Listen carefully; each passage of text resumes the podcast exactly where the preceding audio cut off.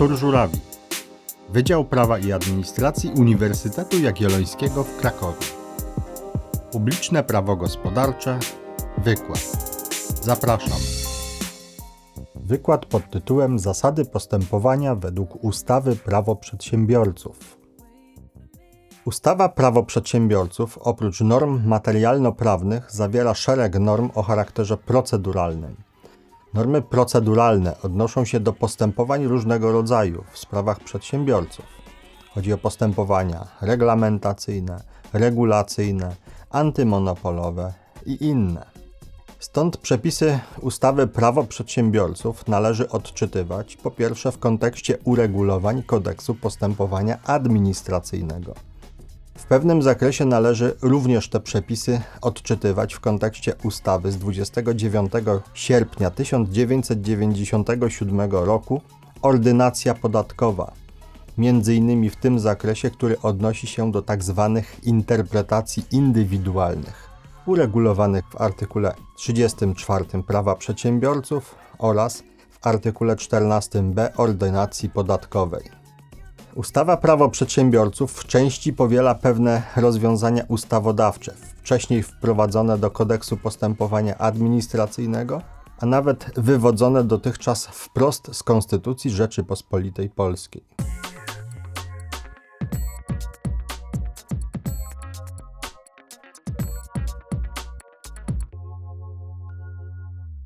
Pierwsza z zasad, którą chciałbym omówić, jest to zasada, co nie jest prawem zabronione, jest dozwolone. Wyrażona została w artykule 8 ustawy Prawo Przedsiębiorców. Przepis ten mówi: Przedsiębiorca może podejmować wszelkie działania, z wyjątkiem tych, których zakazują przepisy prawa. Przedsiębiorca może być obowiązany do określonego zachowania tylko na podstawie przepisów prawa. Quod lege non prohibitum licitum est czyli czego prawo nie zakazuje, jest dozwolone. Obecnie zasada ta jest składnikiem demokratycznego państwa prawnego, o którym mowa w artykule 2 Konstytucji.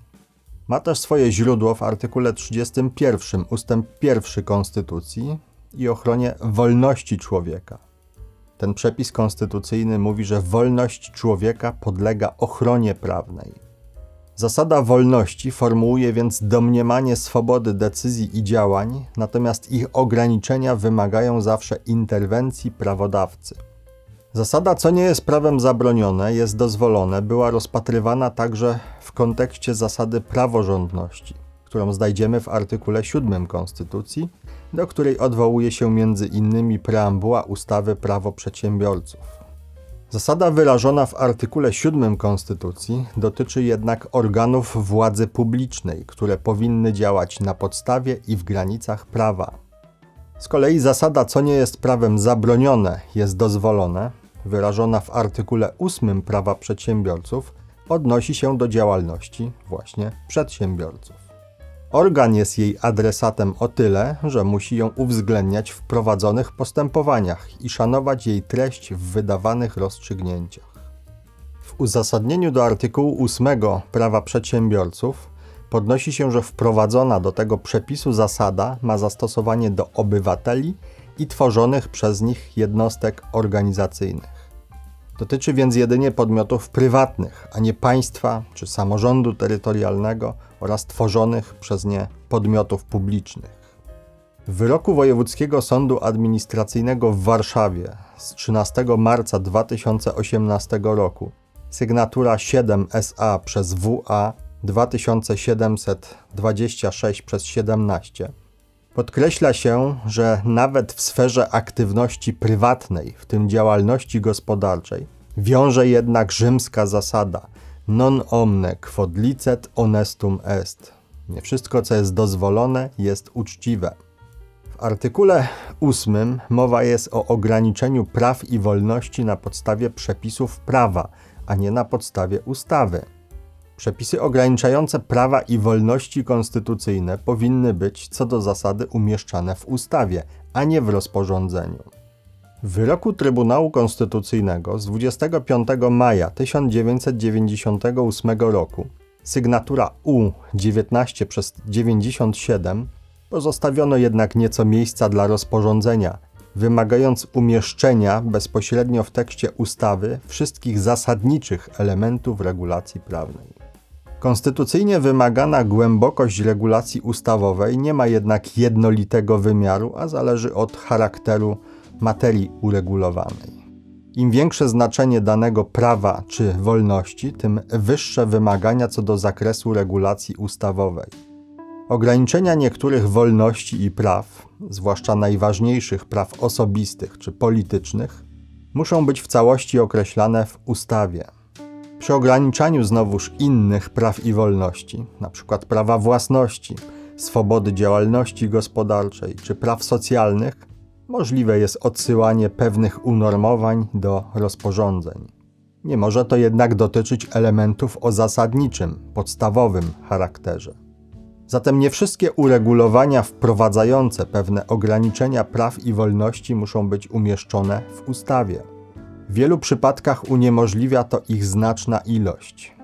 Szereg z nich ma charakter bardzo szczegółowy, wręcz techniczny, np. w zakresie ochrony przeciwpożarowej, warunków technicznych obiektów budowlanych. To są jedynie przykłady. Umieszczanie tego rodzaju uregulowań w ustawie powodowałoby całkowitą nieczytelność takiego aktu prawnego i rozbudowanie go ponad potrzeby. Istotne jest jednak, by rozporządzenie nie wykraczało poza zakres delegacji ustawowej i by nie wprowadzono do niego przepisów o podstawowym charakterze z punktu widzenia ograniczania praw i wolności.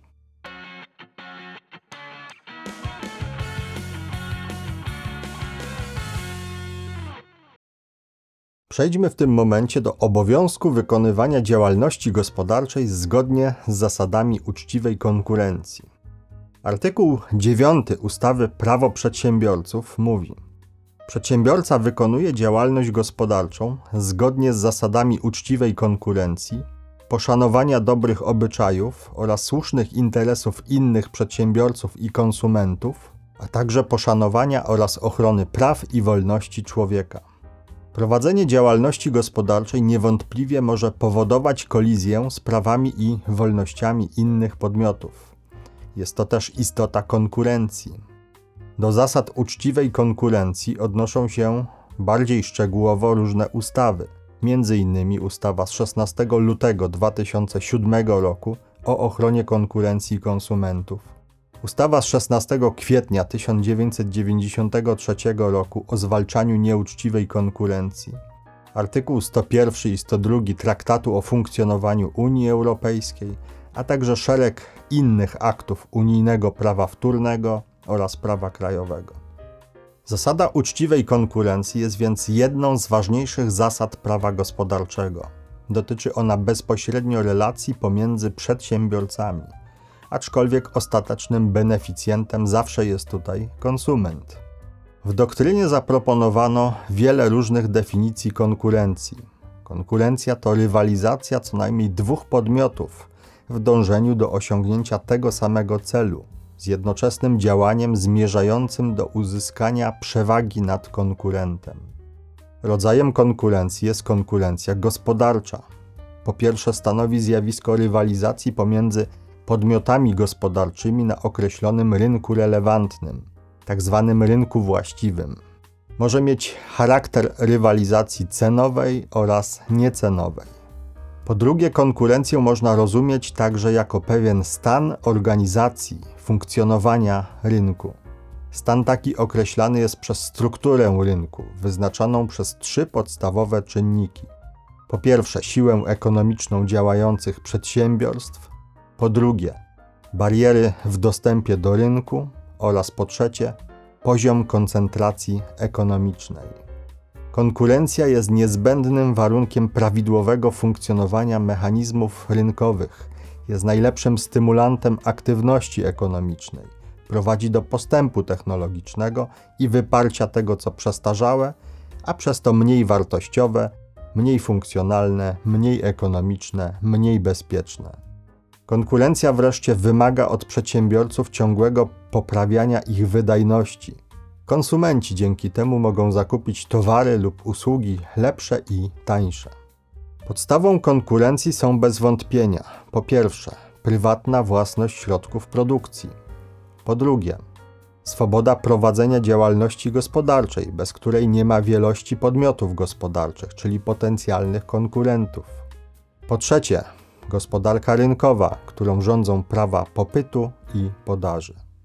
Różnorodne praktyki ograniczające konkurencję dzieli się na praktyki antykonkurencyjne, czyli skierowane przeciwko potencjalnej bądź rzeczywistej konkurencji, oraz po drugie praktyki eksploatacyjne, które mają na celu wyzyskiwanie innych uczestników rynku, czyli na przykład konsumentów.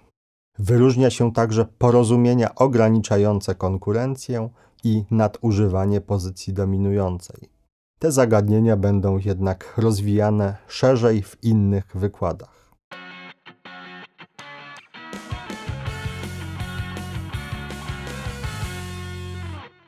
Kolejna zasada to zasada poszanowania dobrych obyczajów.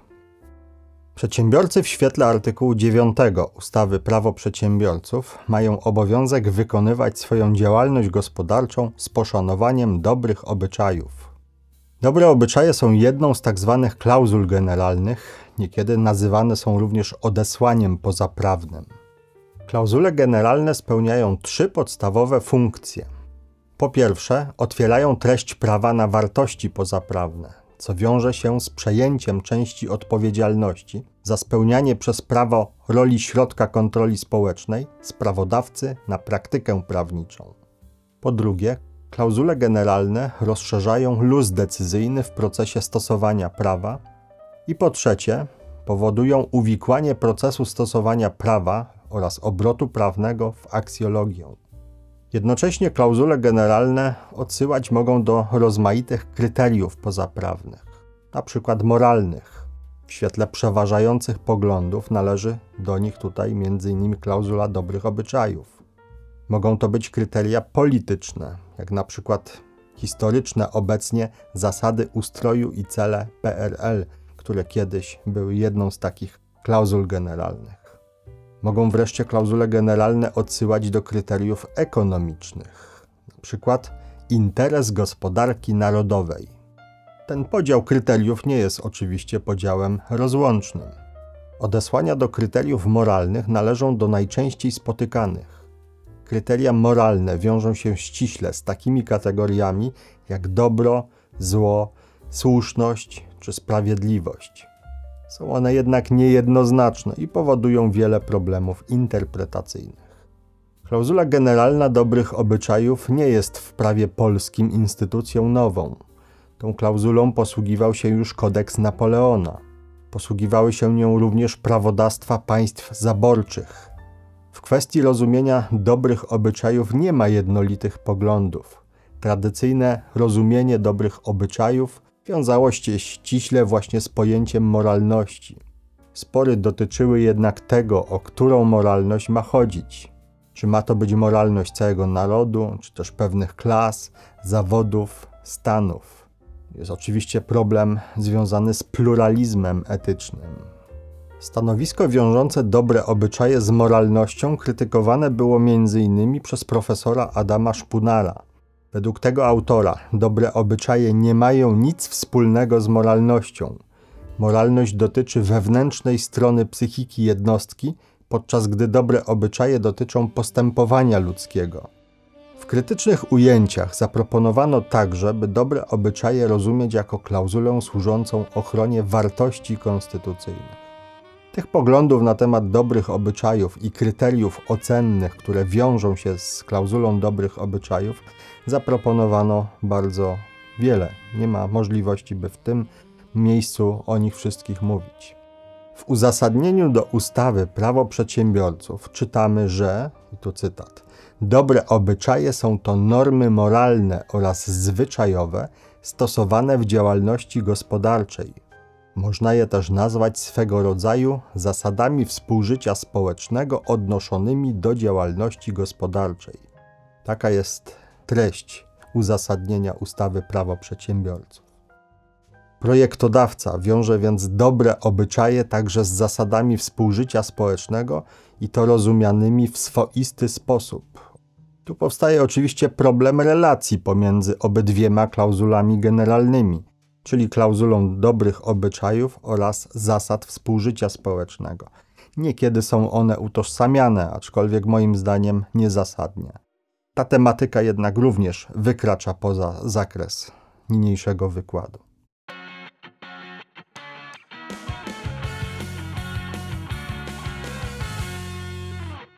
Kolejna zasada to zasada poszanowania słusznych interesów innych przedsiębiorców i konsumentów.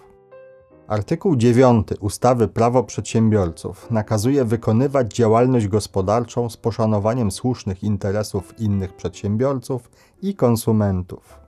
Przepis ten częściowo realizuje wytyczne, które znalazły się w artykule 76 Konstytucji, gdzie wskazano, że władze publiczne chronią konsumentów, użytkowników i najemców przed działaniami zagrażającymi ich zdrowiu, prywatności i bezpieczeństwu oraz przed nieuczciwymi praktykami rynkowymi. Zakres tej ochrony określa ustawa. Artykuł 76 Konstytucji został ujęty jako zasada polityki państwa, kierowana do władz publicznych, państwowych i samorządowych, do organów i instytucji zajmujących się sprawami ochrony konsumentów.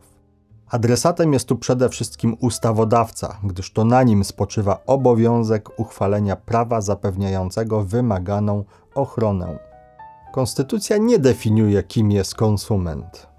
Najbardziej ogólną jego definicję znajdziemy w artykule 22 z indeksem pierwszym kodeksu cywilnego. Za konsumenta uważa się tam osobę fizyczną dokonującą z przedsiębiorcą czynności prawnej niezwiązanej bezpośrednio z jej działalnością gospodarczą lub zawodową. Do cytowanej definicji odwołuje się również artykuł 4 punkt 12 ustawy z 16 lutego 2007 roku o ochronie konkurencji i konsumentów. Ustawodawca zwykły, w ślad za prawodawcą unijnym, definiuje również tzw. Tak przeciętnego konsumenta. W świetle artykułu 2 punkt 8 ustawy z 23 sierpnia 2007 roku o przeciwdziałaniu nieuczciwym praktykom rynkowym jest nim konsument, który jest dostatecznie dobrze poinformowany, uważny i ostrożny. Oceny dokonuje się z uwzględnieniem czynników społecznych, kulturowych, językowych i przynależności danego konsumenta do szczególnej grupy konsumentów, przez którą rozumie się dającą się jednoznacznie zidentyfikować grupę konsumentów, szczególnie podatną na oddziaływanie praktyki rynkowej lub na produkt, którego praktyka rynkowa dotyczy ze względu na szczególne cechy, takie jak wiek, niepełnosprawność fizyczna lub umysłowa. W tym kontekście można zastanowić się, czym są nieuczciwe praktyki rynkowe w rozumieniu artykułu 76 Konstytucji Rzeczypospolitej Polskiej. Pojęcia konstytucyjne mają charakter autonomiczny, jednak pewną wskazówką, choć nie przesądzającą, mogą być tu przepisy ustawowe. Posiłkowo mogą być one przywołane. W ogólnym, szerokim ujęciu za praktyki takie uznaje się wszelkie działania lub zaniechania przedsiębiorców, którzy wykorzystują swoją silniejszą pozycję wobec konsumentów bądź innych przedsiębiorców w sposób nieuczciwy, sprzeczny z prawem lub dobrymi obyczajami. Chodzić może na przykład o ukrywanie wad towarów i usług, o niedoinformowanie o cechach produktów, narzucanie niezrozumiałego języka komunikacji, unikanie odpowiedzialności z tytułu niewykonania lub nienależytego wykonania zobowiązań, czy sprzeczną z prawem reklamę. Konkretne regulacje doprecyzowują już, o jaki rodzaj praktyk będzie tu chodziło. Katalog nieuczciwych praktyk rynkowych ciągle ewoluuje. Ustawodawca zwykły niekiedy definiuje najbardziej typowe z nich. Posługuje się także ogólnymi klauzulami, nakazującymi na przykład przestrzeganie przez przedsiębiorców dobrych obyczajów. Ustawodawca z naruszeniem takich zasad wiąże określone sankcje, w tym sankcje administracyjne. Wśród nich można wymienić dla przykładu pozbawienie koncesji, zakaz stosowania określonych praktyk nakładany decyzją przez prezesa Urzędu Ochrony Konkurencji i Konsumentów, czy też kary pieniężne.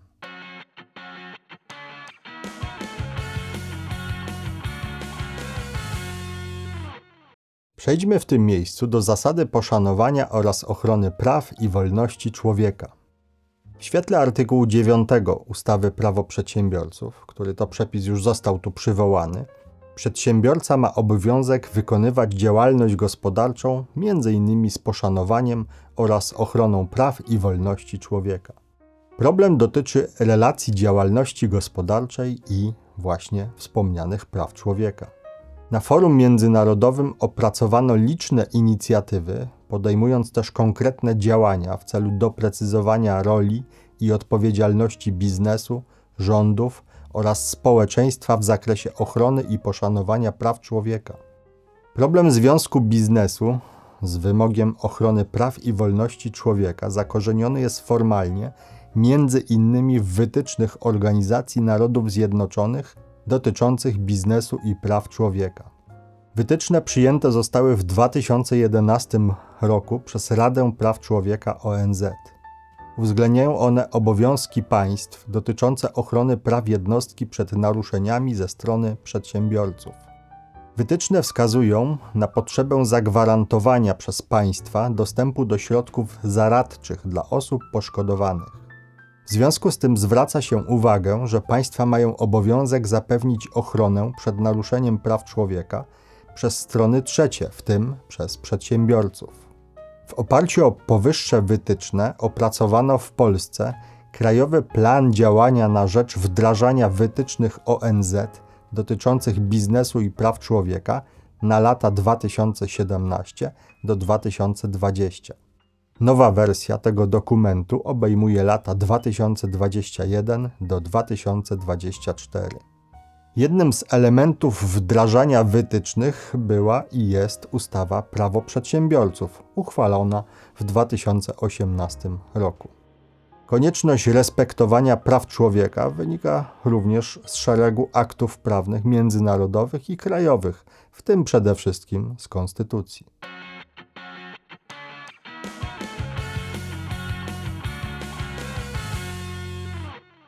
Zasada zaufania do przedsiębiorcy to kolejna zasada, o której mówi ustawa Prawo Przedsiębiorców. Jej artykuł 10 ustęp 1 wprowadza właśnie tę zasadę, a także zasadę domniemania uczciwości przedsiębiorcy. Przepis mówi tak: Organ kieruje się w swoich działaniach zasadą zaufania do przedsiębiorcy, zakładając, że działa on zgodnie z prawem, uczciwie oraz z poszanowaniem dobrych obyczajów.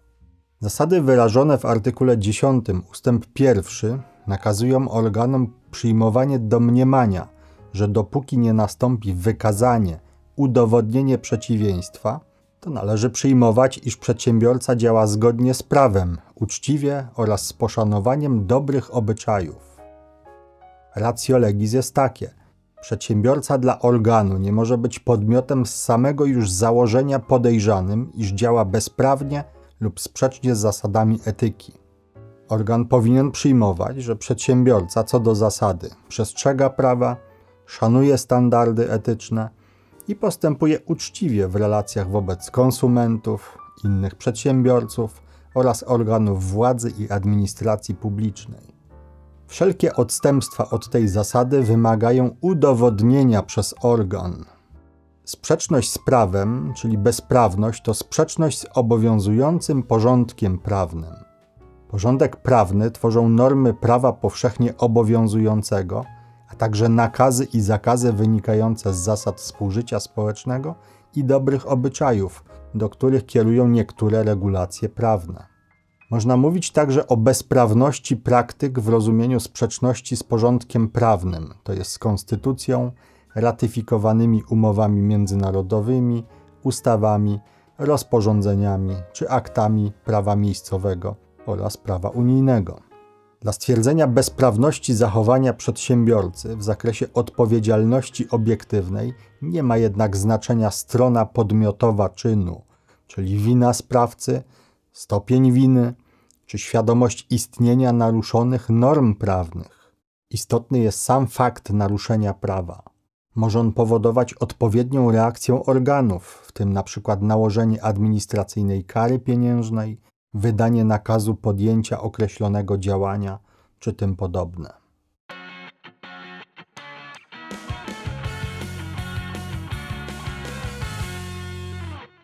Istotna z praktycznego punktu widzenia zasada została umieszczona w artykule 10 ustęp 2 ustawy Prawo Przedsiębiorców. Jest to zasada rozstrzygania wątpliwości faktycznych na korzyść przedsiębiorcy. Przepis ten mówi: Jeżeli przedmiotem postępowania przed organem jest nałożenie na przedsiębiorcę obowiązku bądź ograniczenie lub odebranie uprawnienia, a w tym zakresie pozostają nie dające się usunąć wątpliwości co do stanu faktycznego, organ rozstrzyga je na korzyść przedsiębiorcy. Z kolei w świetle ustępu trzeciego tej regulacji, przepisu ustępu drugiego nie stosuje się, jeżeli po pierwsze w postępowaniu uczestniczą podmioty o spornych interesach lub wynik postępowania ma bezpośredni wpływ na interesy osób trzecich. Po drugie, Odrębne przepisy wymagają od przedsiębiorcy wykazania określonych faktów. Po trzecie, wymaga tego ważny interes publiczny, w tym istotne interesy państwa, a w szczególności jego bezpieczeństwa, obronności lub porządku publicznego. Cytowany przepis ma charakter przepisu lex specialis, szczególnego w stosunku do artykułu 81a Kodeksu Postępowania Administracyjnego, który ma brzmienie następujące. Paragraf pierwszy. Jeżeli przedmiotem postępowania administracyjnego jest nałożenie na stronę obowiązku bądź ograniczenie lub odebranie stronie uprawnienia, a w tym zakresie pozostają nie dające się usunąć wątpliwości co do stanu faktycznego, wątpliwości te są rozstrzygane na korzyść strony. I paragraf drugi tej regulacji mówi: Przepisu paragrafu pierwszego nie stosuje się. Po pierwsze, jeżeli w sprawie uczestniczą strony o spornych interesach lub wynik postępowania ma bezpośredni wpływ na interesy osób trzecich. Po drugie, jeżeli przepisy odrębne wymagają od strony wykazania określonych faktów. Po trzecie, jeżeli wymaga tego ważny interes publiczny, w tym istotne interesy państwa a w szczególności jego bezpieczeństwa, obronności lub porządku publicznego.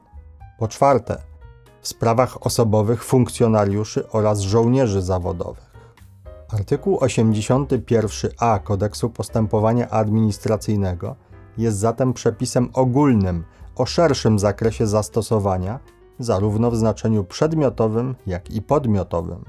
Dotyczy bowiem wszelkich postępowań, do których stosuje się przepisy KPA i prowadzonych wobec różnych podmiotów, nie tylko przedsiębiorców. Artykuł 10 ustęp 2 prawa przedsiębiorców stosowany jest z kolei w postępowaniach, w których stronami są przedsiębiorcy, tam gdzie chodzi o nałożenie na przedsiębiorcę obowiązku bądź ograniczenie lub odebranie uprawnienia. Artykuł 10 ustęp 2 prawa przedsiębiorców odnosi się wyłącznie do kwestii rozstrzygania wątpliwości co do stanu faktycznego sprawy. W sprawie rozstrzygania wątpliwości co do treści normy prawnej na korzyść przedsiębiorcy zastosowanie znajdzie artykuł 11 Prawa Przedsiębiorców.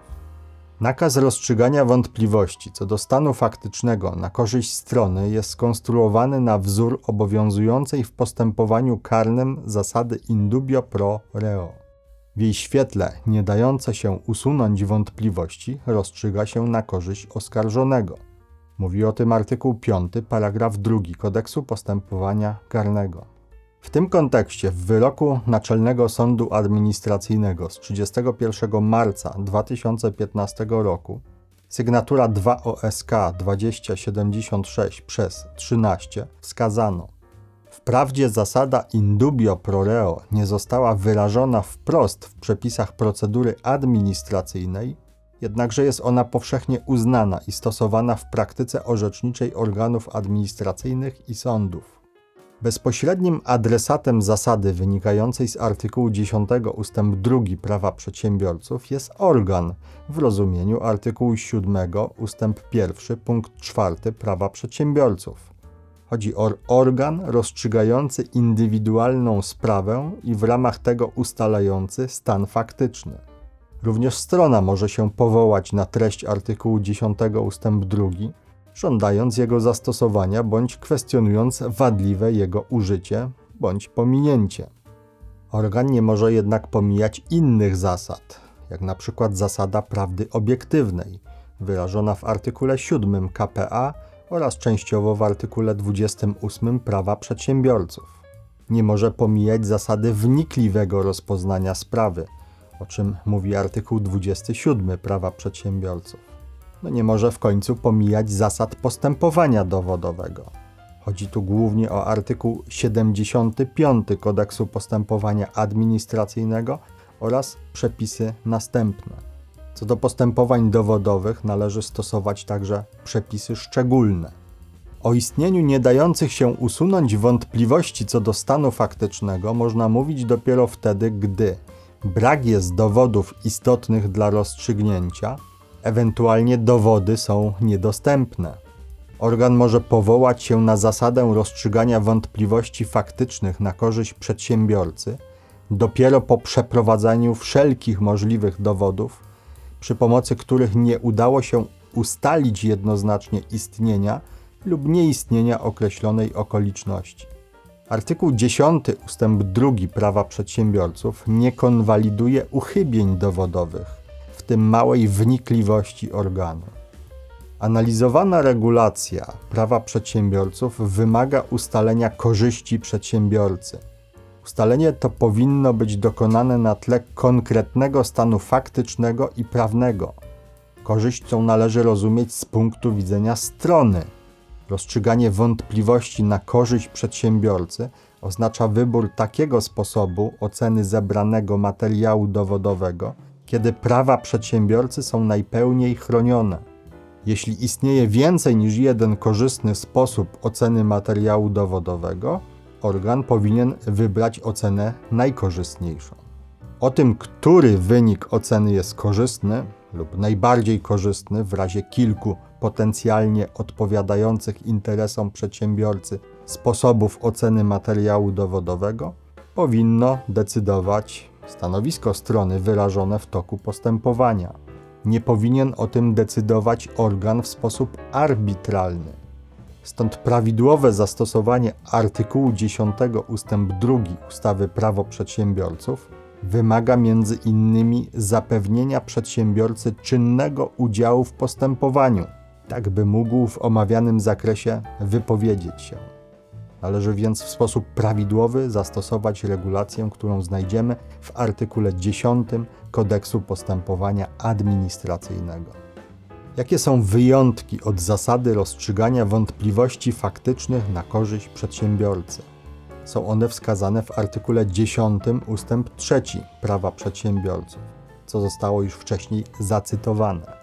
A więc po pierwsze, w postępowaniu uczestniczą podmioty o spornych interesach lub wynik postępowania ma bezpośredni wpływ na interesy osób trzecich. Takie sporne interesy występują bardzo często choćby w sprawach budowlanych, co wiąże się przykładowo z działalnością deweloperów. Może chodzić o ustalenie warunków zabudowy i zagospodarowania terenu o udzielenie zatwierdzenia projektu budowlanego i udzielenie pozwolenia budowlanego, czy też w sprawach samowoli budowlanych. Nie można w takich sytuacjach preferować jednej ze stron, stosując korzystne dla niej rozwiązania procesowe ze szkodą dla strony przeciwnej. Naruszałoby to zasadę równości procesowej. No, w wielu postępowaniach nie ma jednak spornych interesów. Bywa, że stroną jest sam jeden tylko przedsiębiorca – na przykład tam, gdzie chodzi o nałożenie kary pieniężnej za przystąpienie do użytkowania obiektu budowlanego bez uzyskania pozwolenia na użytkowanie, gdy jest ono wymagane, albo w przypadku naruszenia przepisów o transporcie drogowym. Wtedy tego rodzaju zasada przy spełnieniu wszystkich przesłanek znajdzie zastosowanie. Trzeba dodać, że sam fakt istnienia wielości stron postępowania nie wyłącza stosowania omawianej zasady. Interesy stron mogą być wręcz zbieżne. Nadto może się zdarzyć, że początkowe stanowiska stron były sporne, jednak w toku postępowania przestały takie być, gdyż jedna ze stron uznała rację drugiej. Wtedy wskazane wyłączenie nie znajdzie zastosowania. Kolejne wyłączenie omawianej zasady jest uregulowane w artykule 10 ust. 3 punkt 2 ustawy Prawo przedsiębiorców. czyli artykułu 10 ustęp 2 nie stosuje się, gdy odrębne przepisy wymagają od przedsiębiorcy wykazania określonych faktów. Przykładowo, w świetle artykułu 8 ustęp 1 ustawy z 16 lutego 2007 roku o ochronie konkurencji i konsumentów, zakazu, o którym mowa w artykule 6 ustęp 1, czyli zakazu zawierania porozumień antykonkurencyjnych, nie stosuje się do porozumień, które jednocześnie po pierwsze przyczyniają się do polepszenia produkcji, dystrybucji towarów lub do postępu technicznego lub gospodarczego. Po drugie, zapewniają nabywcy lub użytkownikowi odpowiednią część wynikających z porozumień korzyści. Po trzecie, nie nakładają na zainteresowanych przedsiębiorców ograniczeń, które nie są niezbędne do osiągnięcia tych celów. I po czwarte, nie stwarzają tym przedsiębiorcom możliwości wyeliminowania konkurencji na rynku właściwym w zakresie znacznej części określonych towarów. W artykule 8 ustęp 2 ustawy o ochronie konkurencji i konsumentów zastrzeżono wyraźnie jednak, że ciężar udowodnienia okoliczności, o których mowa w przywołanym tu ustępie pierwszym, spoczywa na przedsiębiorcy, a więc widzimy, że w tej sytuacji artykuł 10 ustęp 2 prawa przedsiębiorców nie znajdzie zastosowania. Kolejne wyłączenie zastosowania tej zasady. W świetle artykułu 10 ustęp 3 punkt 3 prawa przedsiębiorców przepisu artykułu 10 ustęp 2 nie stosuje się, jeżeli wymaga tego ważny interes publiczny w tym istotne interesy państwa, a w szczególności jego bezpieczeństwa, obronności lub porządku publicznego. Ustawodawca doprecyzował tu rozumienie ważnego interesu publicznego poprzez przykładowe wskazanie wartości, które nań się składają. Posłużył się jednym z rodzajów definicji legalnych, jaką jest definicja zakresowa. Zgodnie z paragrafem 153 rozporządzenia prezesa Rady Ministrów z 20 czerwca 2002 roku w sprawie zasad techniki prawodawczej definicje zakresowe wyliczające elementy składowe zakresu powinny być zasadniczo zupełne, czyli powinny objąć cały zakres definiowanego pojęcia, a jeżeli prawodawca chce im nadać charakter cząstkowy, to powinien w odpowiedni sposób to zaznaczyć poprzez posłużenie się zwrotem w szczególności. Skutkiem wadliwego zastosowania, ewentualnie niezastosowania artykułu 10 ust. 2 i 3 prawa przedsiębiorców może być uchylenie rozstrzygnięcia przez sąd, jeśli błąd mógł mieć istotny wpływ na wynik sprawy. Jeśli przepisy konkretnej procedury na to pozwalają, np. przed Sądem Ochrony Konkurencji Konsumentów, możliwe jest wydanie orzeczenia reformatoryjnego, czyli zmieniającego rozstrzygnięcie w całości bądź w części.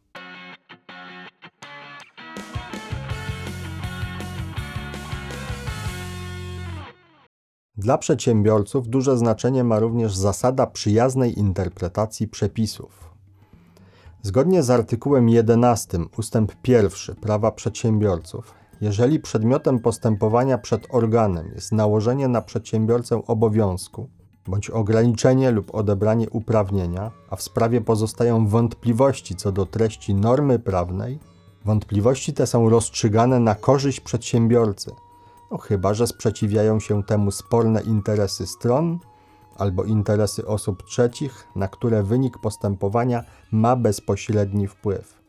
Z kolei w świetle artykułu 11 ustęp 2 prawa przedsiębiorców przepisu ustępu pierwszego nie stosuje się, jeśli wymaga tego ważny interes publiczny, w tym istotne interesy państwa, a w szczególności jego bezpieczeństwa, obronności lub porządku publicznego.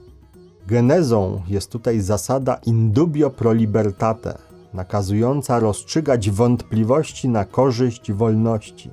Podobne znaczenie ma zasada indubio pro tributario w postępowaniach podatkowych w świetle której organy administracji publicznej, w tym podatkowej, powinny rozstrzygać wątpliwości interpretacyjne na korzyść podatnika. W uzasadnieniu projektu ustawy Prawo Przedsiębiorców wskazano, że chociaż przepisy prawne powinny być sformułowane w sposób możliwie jasny i precyzyjny, nie można jednak wykluczyć sytuacji, że pewne problemy interpretacyjne pojawią się. Z kolei rozstrzygnięcia, które wątpliwości interpretacyjne tłumaczą na niekorzyść strony, obniżają zaufanie do państwa i stanowionego przez nie prawa. Zaufanie to jest zasadą pochodną wywodzoną z klauzuli demokratycznego państwa prawnego, którą znajdziemy w artykule 2 Konstytucji. Nie powinno być bowiem tak, że państwo i jego agendy osiągałyby nieuzasadnione korzyści z wprowadzania w życie przepisów niejasnych, stosując je w taki sposób, który byłby najkorzystniejszy nie dla przedsiębiorców, ale dla samego państwa. Artykuł 11 Prawa Przedsiębiorców jest przepisem o charakterze szczególnym, lex specialis, w stosunku do artykułu 7a Kodeksu Postępowania Administracyjnego. Ten przepis KPA w paragrafie pierwszym stanowi, że jeżeli przedmiotem postępowania administracyjnego jest nałożenie na stronę obowiązku bądź ograniczenie lub odebranie stronie uprawnienia, a w sprawie pozostają wątpliwości co do treści normy prawnej, wątpliwości te są rozstrzygane na korzyść strony, chyba że sprzeciwiają się temu sporne interesy stron albo interesy osób trzecich, na które wynik postępowania ma bezpośredni wpływ. Z kolei w świetle artykułu 7a paragraf 2 KPA przepisu paragrafu pierwszego nie stosuje się po pierwsze jeżeli wymaga tego ważny interes publiczny, w tym istotne interesy państwa, a w szczególności jego bezpieczeństwa, obronności lub porządku publicznego. I po drugie, w sprawach osobowych funkcjonariuszy oraz żołnierzy zawodowych. Artykuł 7a Kodeksu Postępowania Administracyjnego ma zatem szerszy zakres zastosowania. Dotyczy bowiem wszelkich postępowań, do których stosuje się przepisy tego kodeksu. Artykuł 11 Prawa Przedsiębiorców stosowany jest z kolei w postępowaniach prowadzonych przez organ, ale w rozumieniu artykułu 7 ust. 1 punkt 4 Prawa Przedsiębiorców. W dodatku chodzi o postępowania prowadzone wobec właśnie przedsiębiorców, o ile spełnione są szczegółowe przesłanki wskazane w cytowanej regulacji. Zasada określona w artykule 7a Kodeksu Postępowania Administracyjnego oraz tym samym w artykule 11 ust. 1 Prawa Przedsiębiorców funkcjonowała w orzecznictwie już wcześniej i była wywodzona z artykułu 8 KPA. Ten przepis statuuje zasadę zaufania do organów państwa. Mówi się, że dyrektywa indubio pro libertate jest oczywistością w demokratycznym państwie można dodać w demokratycznym państwie prawnym. Jej stosowanie oznacza, że w razie wątpliwości należy dokonywać wykładni za wolnością, na korzyść wolności, czy inaczej przeciwko ograniczeniom wolności. Należy przyjmować taką interpretację, która poszerza, a nie ogranicza zakres wolności. Z omawianą problematyką wiąże się także funkcjonowanie dyrektywy wykładni nakazującej ścieśniająco interpretować wszelkie ograniczenia praw i wolności oraz mówiącej o dopuszczalności wykładni rozszerzającej w stosunku do przepisów zezwalających i przyznających uprawnienia. Artykuł 11 Prawa Przedsiębiorców znajdzie zastosowanie w przypadku spełnienia dwojakiego rodzaju przesłanek.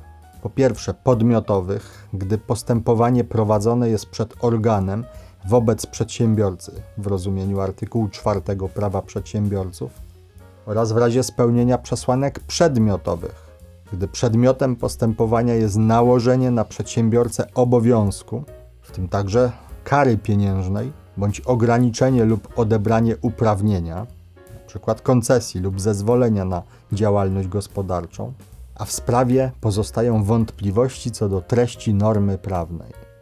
Nie chodzi więc o jakiekolwiek sprawy z udziałem przedsiębiorców, ale spełniające wskazane tu przesłanki i wiążące się z działalnością gospodarczą takiego podmiotu. Zasada przyjaznej interpretacji przepisów odnosi się wyłącznie do wątpliwości co do stanu prawnego, a nie stanu faktycznego sprawy. Sposób rozstrzygania wątpliwości co do stanu faktycznego unormowano w omówionym już wcześniej artykule 10 ust. 2 Prawa Przedsiębiorców. Wątpliwości co do treści normy prawnej występują wtedy, gdy pomimo zastosowania wszystkich możliwych i wymaganych dyrektyw wykładni, pozostają nadal różne możliwości interpretacji danego przepisu prawnego, o które nie dały się usunąć. Omawiana regulacja odnosi się do takich przypadków, w których organ stwierdza, że kilka wyników wykładni może być uznanych za prawidłowe. Wtedy wątpliwości powinny być rozstrzygane na korzyść przedsiębiorcy. Chodzi więc o dokonanie wyboru takiego sposobu rozumienia przepisu prawa, dzięki któremu prawa przedsiębiorcy będą najpełniej chronione.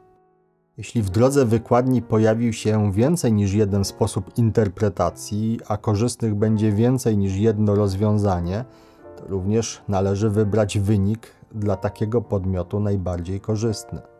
Zasada przyjaznej interpretacji przepisów może być stosowana zatem dopiero na ostatnim etapie procesu wykładni. Jej zastosowanie wchodzi w grę dopiero wówczas, gdy zastosowanie innych reguł wykładni nie daje jednoznacznego wyniku.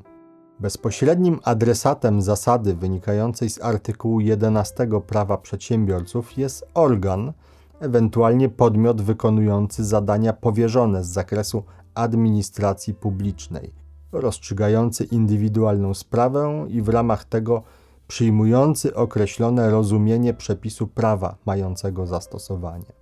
Również strona może powoływać się na treść artykułu 11 prawa przedsiębiorców, żądając jego zastosowania, bądź kwestionując wadliwe jego użycie czy pominięcie.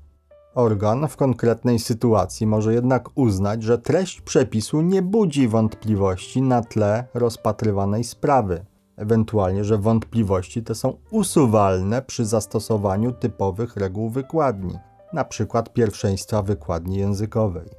Należy to jednak uzasadnić, czego wymaga wyrażona w artykule 11 KPA zasada przekonywania. Dokonując wykładni przepisów, organ powinien uwzględnić i przepisy krajowe, i unijne, ale także orzecznictwo Trybunału Sprawiedliwości Unii Europejskiej. Zatem zasada wynikająca z artykułu 11 prawa przedsiębiorców nie wprowadza wyłomów uznanych metodach dokonywania wykładni przepisów, ani nie pozostaje w sprzeczności z wykładnią prounijną. Zasada przyjaznej interpretacji przepisów nie powinna być postrzegana jako odstępstwo od zasady prawdy obiektywnej wyrażonej w artykule 7 KPA.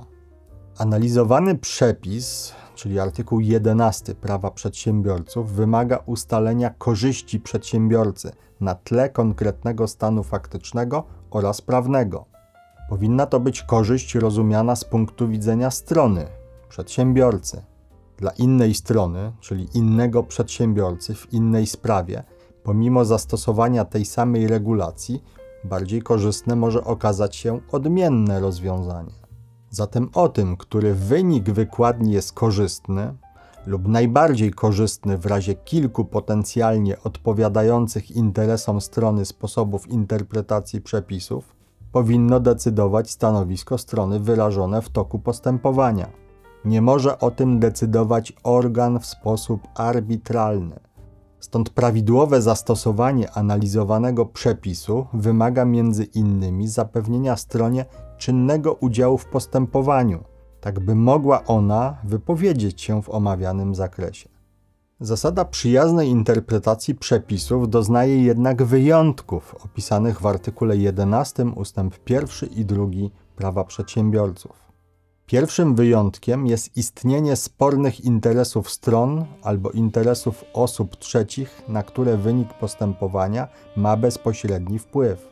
W szeregu postępowaniach nie ma jednak spornych interesów, np. o nałożenie kary pieniężnej za naruszenie przepisów w transporcie drogowym wtedy tego rodzaju zasada znajdzie zastosowanie. Istnienie wielości stron postępowania nie wyłącza też stosowania zasady przyjaznej interpretacji przepisów. Może się okazać, że interesy stron nie są sporne, a wręcz zbieżne. Ponadto wykładnia niektórych przepisów może być neutralna dla interesów stron i osób trzecich. Po drugie, tej zasady, zasady przyjaznej interpretacji przepisów, nie stosuje się jeżeli wymaga tego ważny interes publiczny, w tym istotne interesy państwa, a w szczególności jego bezpieczeństwa, obronności lub porządku publicznego. Ustawodawca zatem doprecyzował rozumienie ważnego interesu publicznego poprzez przykładowe wskazanie wartości, które nań się składają. Artykuł 11 ustęp 2 prawa przedsiębiorców posługuje się więc, podobnie jak artykuł 10 ustęp 3 punkt 3 tej ustawy, definicją cząstkową. W tym przepisie chodzi o kwalifikowaną postać interesu publicznego, gdyż musi być on ważny. Ustawodawca posłużył się tu klauzulą generalną odsyłającą, która występuje również w artykule 22 Konstytucji, będącą przesłanką ograniczania wolności działalności gospodarczej. Zaznaczmy jednak ponownie, że pojęcia konstytucyjne mają charakter autonomiczny i nie należy ich utożsamiać z pojęciami, które znajdziemy na gruncie ustawodawstwa zwykłego. Skutkiem wadliwego zastosowania, ewentualnie niezastosowania artykułu 11 ust. 1 prawa przedsiębiorców może być uchylenie rozstrzygnięcia przez sąd pod warunkiem stwierdzenia, że błąd mógł mieć istotny wpływ na wynik sprawy. Jeżeli przepisy konkretnej procedury na to pozwalają, np. przed Sądem Ochrony Konkurencji Konsumentów, możliwe jest wydanie orzeczenia reformatoryjnego, czyli zmieniającego rozstrzygnięcie w całości bądź w części.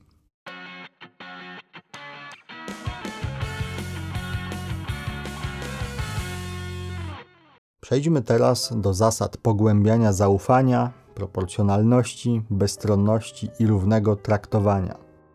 Artykuł 12 Prawa Przedsiębiorców mówi: Organ prowadzi postępowanie w sposób budzący zaufanie przedsiębiorców do władzy publicznej, kierując się zasadami proporcjonalności, bezstronności i równego traktowania.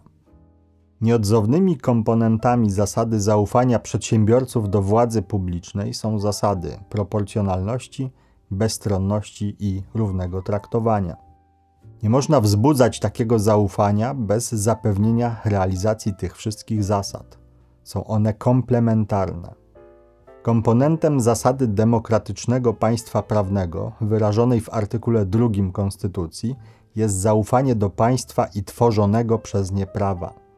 Artykuł 2, jak już było powiedziane, traktuje się jako zbiorcze wyrażenie szeregu reguł i zasad, które wprawdzie nie zostały expressis verbis wyrażone w pisanym tekście Konstytucji, ale w sposób immanentny wynikają z aksjologii oraz istoty demokratycznego państwa prawnego.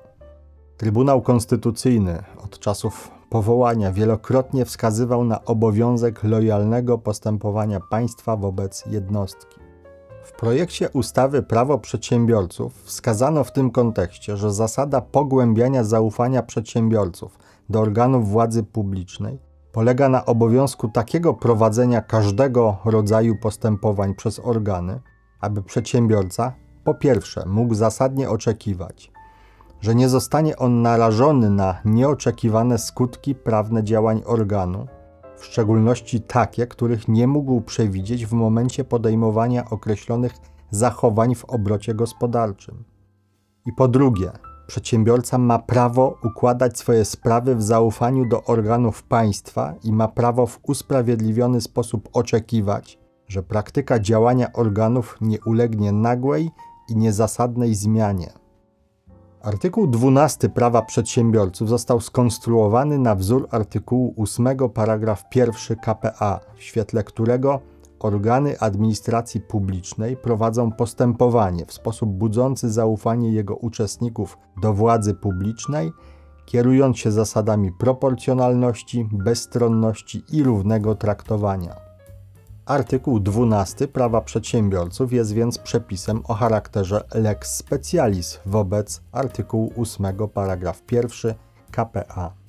Różni się jednak tym, że dotyczy przedsiębiorców w rozumieniu ustawy Prawo Przedsiębiorców jest adresowany do organów w rozumieniu artykułu 7 ustęp 1 punkt 4 Prawa Przedsiębiorców, a nie do organów administracji publicznej o których mowa w artykule 5, paragraf 2, punkt 3 KPA.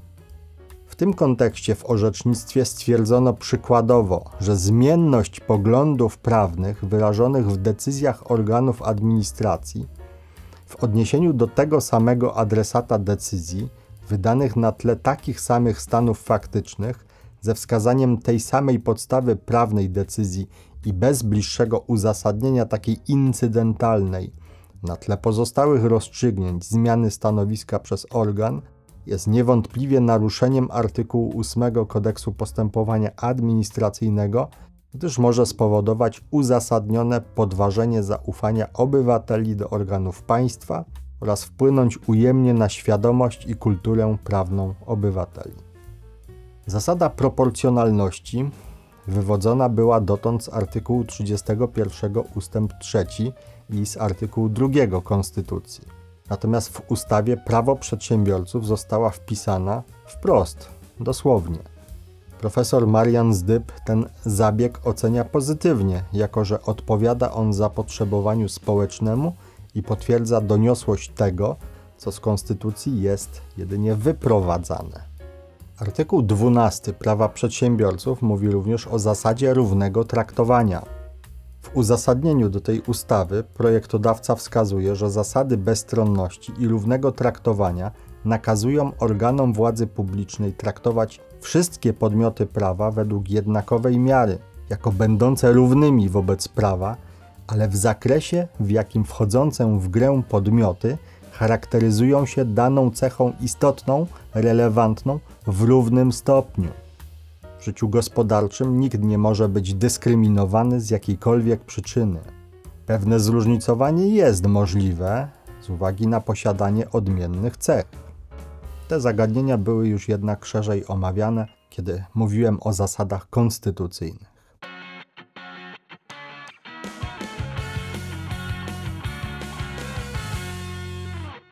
Istotną zasadą jest zasada pewności prawa. Artykuł 14 Prawa Przedsiębiorców mówi, że organ bez uzasadnionej przyczyny nie odstępuje od utrwalonej praktyki rozstrzygania spraw w takim samym stanie faktycznym i prawnym. Przedmiotowy przepis zawiera w sobie bardzo podobną normę prawną do tej, którą znajdziemy w artykule 8, paragraf 2 KPA. Jedyną różnicę stanowi inne zdefiniowanie adresata normy. Przypadku prawa przedsiębiorców jest nim organ w rozumieniu artykułu 7 ust. 1 punkt 4 tej ustawy. Podczas gdy w kodeksie postępowania administracyjnego ustawodawca definiuje organ administracji publicznej w artykule 5 paragraf 2 punkt 3. Nakaz respektowania utrwalonej praktyki rozstrzygania spraw w takim samym stanie faktycznym i prawnym stanowi element zasady równego traktowania. Niekonsekwentna praktyka organów administracji bezpośrednio rzutuje na sytuację jednostki, która nie jest w stanie z dużą dozą prawdopodobieństwa przewidywać reakcję organu na swoje działania. Niewątpliwie uzasadnioną przesłanką odstąpienia od dotychczasowej praktyki organów administracji stanowi taka sytuacja, gdy stwierdzona zostaje przez sądy niezgodność z prawem dotychczasowych działań organów.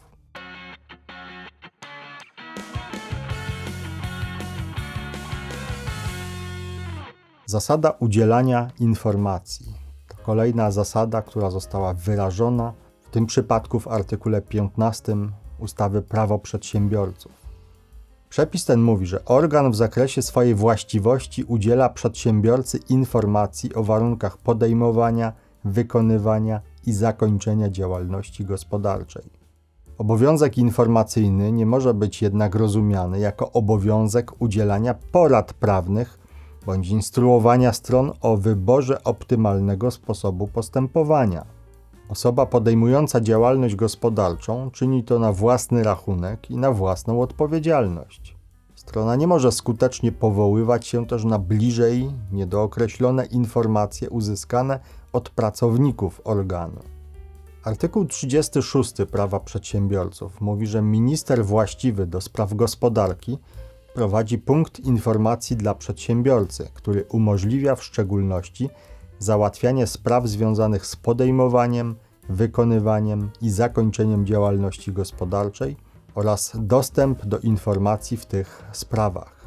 Szczegółowy zakres zadań oraz zasady funkcjonowania punktu informacji dla przedsiębiorcy określają odrębne przepisy.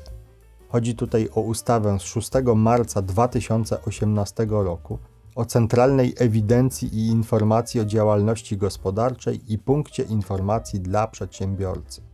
Zadania punktu dookreśla artykuł 51 tej ustawy, który w ustępie pierwszym mówi, że minister właściwy do spraw gospodarki prowadzi punkt informacji dla przedsiębiorcy przy użyciu systemu teleinformatycznego oraz w inny sposób umożliwiający kontakt z przedsiębiorcą. Ustęp drugi tej regulacji mówi natomiast, że punkt realizuje na terytorium Rzeczypospolitej Polskiej zadania pojedynczego punktu kontaktowego w rozumieniu artykułu 6 dyrektywy 2006 przez 123 przez WE Parlamentu Europejskiego i Rady z 12 grudnia 2006 roku dotyczącej usług na rynku wewnętrznym. Jakie informacje są udostępniane przez punkt? Mówi o tym artykuł 53. Punkt zapewnia dostęp do informacji dotyczących m.in. procedur i formalności wymaganych przy podejmowaniu, wykonywaniu lub zakończeniu działalności gospodarczej na terytorium Rzeczpospolitej Polskiej. Udziela informacji na temat ogólnych zasad świadczenia usług w państwach członkowskich. Dostarcza danych kontaktowych organów prowadzących sprawy przedsiębiorców wraz ze wskazaniem zakresu ich kompetencji. Dostarcza informacji o sposobach, warunkach dostępu do rejestrów publicznych, i publicznych baz danych dotyczących działalności gospodarczej i przedsiębiorców.